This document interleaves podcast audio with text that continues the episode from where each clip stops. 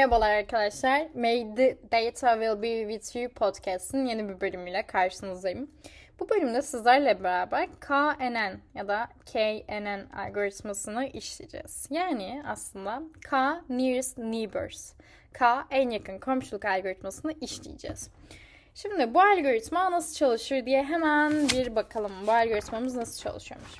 KNN K parametresini belirledikten sonra verilen noktaya en yakın kaç komşu noktasında olacağını ifade eder. Bu K enendeki K dediğimiz değişken. Verilen noktaya en yakın K komşu belirleyici için söz konusu nokta ilk değer tüm noktalar arası uzaklığa tek tek hesaplanıyor.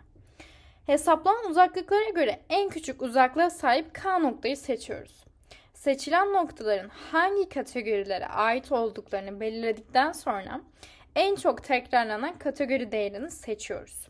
Yani şöyle diyeyim, e, bunu White Hoca şu şekilde belirtiyordu. Bana arkadaşını söyle, sana kim olduğunu söyleyeyim.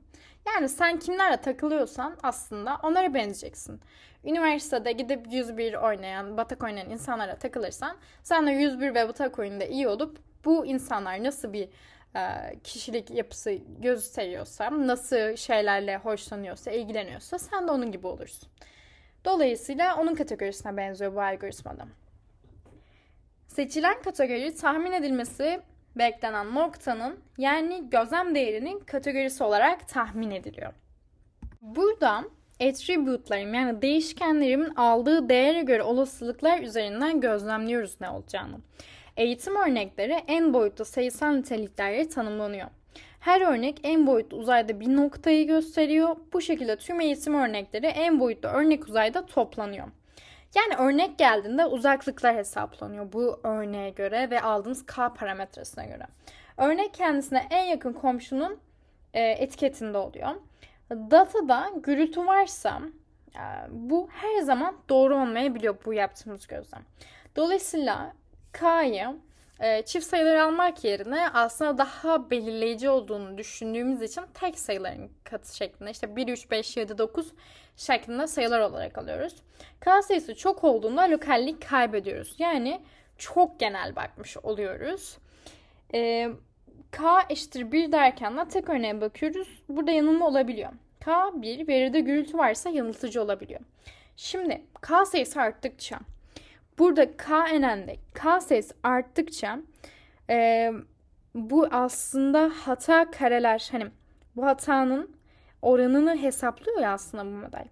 Bu K küçük bir değer olduğu zaman overfitting'e yani e, bunu model e, aşırı öğrenmeye K sayısı arttıkça da underfitting'e yani aslında öğrenememeye e, yakınsıyor. Şimdi burada Overfit'te train'de model başarım yüksek. Datayı aslında çok öğrendim. Genelleme yeteneğimi kaybediyorum. Bu işte şöyle düşünün. Soruları önceden verilen sınava giren öğrenciler. Ya zaten işte A, B, C'de hemen işaretleyeyim çıkayım gibi bakıyor. Ee, underfit modelinde geldiğimiz zaman, underfit'e yakınsama dediğimiz zaman bir algoritmada şunu anlıyoruz. Model başarım düşük Modelin eğitim datısı da başarısız. Model basit gelmiş. Yani bunu kompleksleştirmek gerekiyor yani biraz daha. Kısaca bu şekilde anlatabiliriz underfit ile overfit'i. Ee, bunu aslında daha detaylı bir bölüm yapacağım. Ee, o yüzden burada aslında önemli olan şey pek bu değil. Burada Karnan algoritmasında e, örneklem sayısı çok karar e, yani örneklem sayısı çok olduğum zaman ve karar sayısımız az olduğu zaman e, çok doğru bir karar verebilmiyor. Buna da The Curse of Dimensionality diyoruz. Tam okuyamadım. Yani e, boyut diyoruz. E, ve burada bizim aslında çözümümüz oradaki aslında verimizi normalize etmek oluyor. Normalize etmeyi de başka bir bölümde ele alacağım inşallah. Veri hakkında burada hiçbir varsayım hmm, yok. Diğer algoritmalara göre nispeten daha yüksek doğruluk sağlıyor KNN algoritması çok yönlü sınıflandırma ve regresyon için bize yararlı. K çok küçükse gürültüye karşı hassas, K çok büyükse komşuluk alanında farklı sınıflardan da noktalar olabiliyor. Yani e, baktığımız zaman evet ayırıyor ama çok büyük olduğu için burada baktığımız zaman diğerinde de dediğimiz gibi daha önce de dediğimiz gibi burada K çok büyük olduğu zaman underfit olabiliyor. Yani aslında farklı şeyler de e, içinde gelebiliyor. Hani tam iyi öğrenememiş olabiliyor. Tüm attribute'lar kategorik değerlerden oluşuyorsa buradaki uzaklık nasıl hesaplayacağız dediğimiz zaman e, burada one hot encoding yapıyoruz. Mesela şöyle düşün. Ne diyelim? E, sıfıra kadın bir erkek dediğimiz zaman bizim sıfır veya bir seçimimize göre e, buradaki mesafeyi değiştirmiş oluruz. Yani biri geldiği zaman mesela o skora e, pozitif etkisi olan bir şey düşünelim. Sıfır olduğu zaman e, negatif etkisi olan bir şey düşünelim. O zaman biz mesafeyi kendi elimize değiştirmiş olduğumuz için aslında yaptığımız şey mantıklı olmuyor. KNN ise bu sorunu one hot encoding dediğimiz farklı bir enkode etme yöntemiyle şey yapıyor. Sıfıra kadın bire erkek demektense şöyle bir vektör düşünelim mesela. Bir satır üç sütundan oluşsun her ikisi de.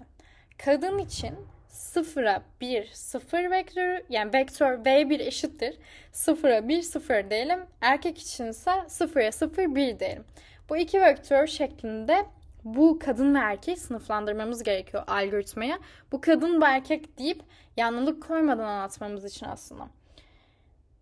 Bu şekilde one hot encoding aslında KNN'de geçerli. Şimdi KNN'de hesaplama maliyeti düşük olduğundan veri büyüdükçe tercih ediliyor. Hesaplama olarak pa, e, algoritma tüm eğitim verilerini sakladığından yüksek belleğe ihtiyaç duyuyor.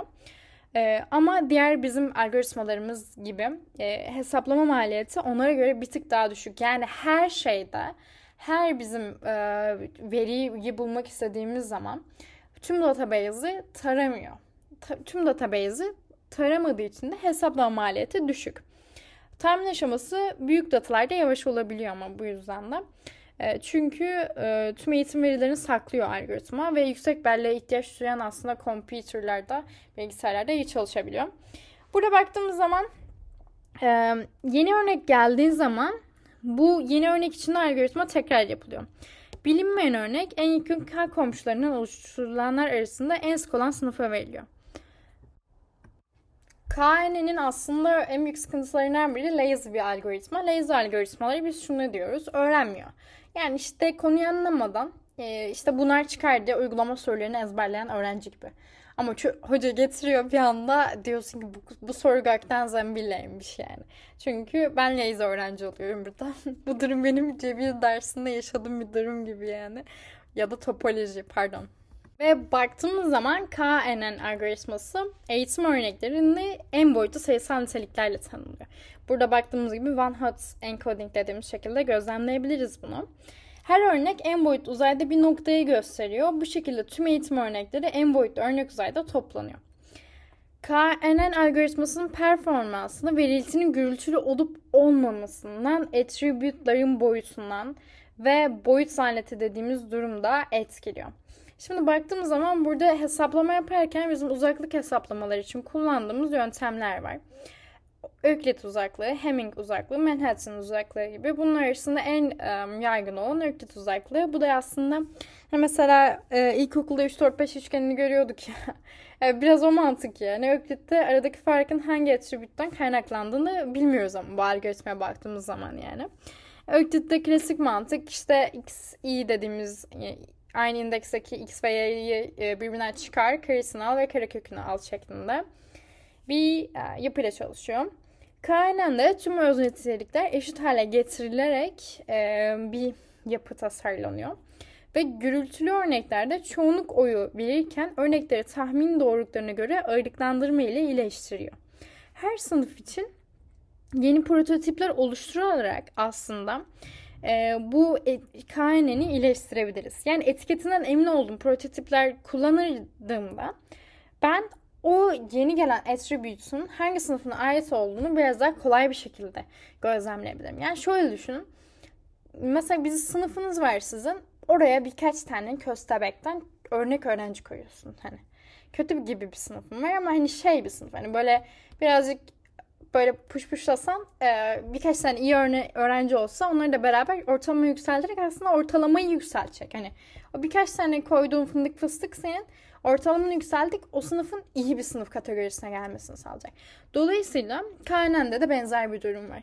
Ben de etiketinden emin olduğum prototiplere ufaktan yerleştiriyorum. Böyle fındık fıstık öğrenci, ajanlar gibi yani. Ee, burada e, KNN'de collinearity dediğimiz özellik var. Yani bir feature'ın tek başına korelasyonu etkili değil. Ama birden fazlası bir araya gelerek lineerleştirme yapılabiliyor. E, bu biraz aslında kalkülüs e, temelli kişilerin anlayabileceği bir şey. O yüzden biraz geçiyorum ama yani te- terminoloji olarak bilebilmeniz önemli olabilir. Belki böyle şeyler sorabilir.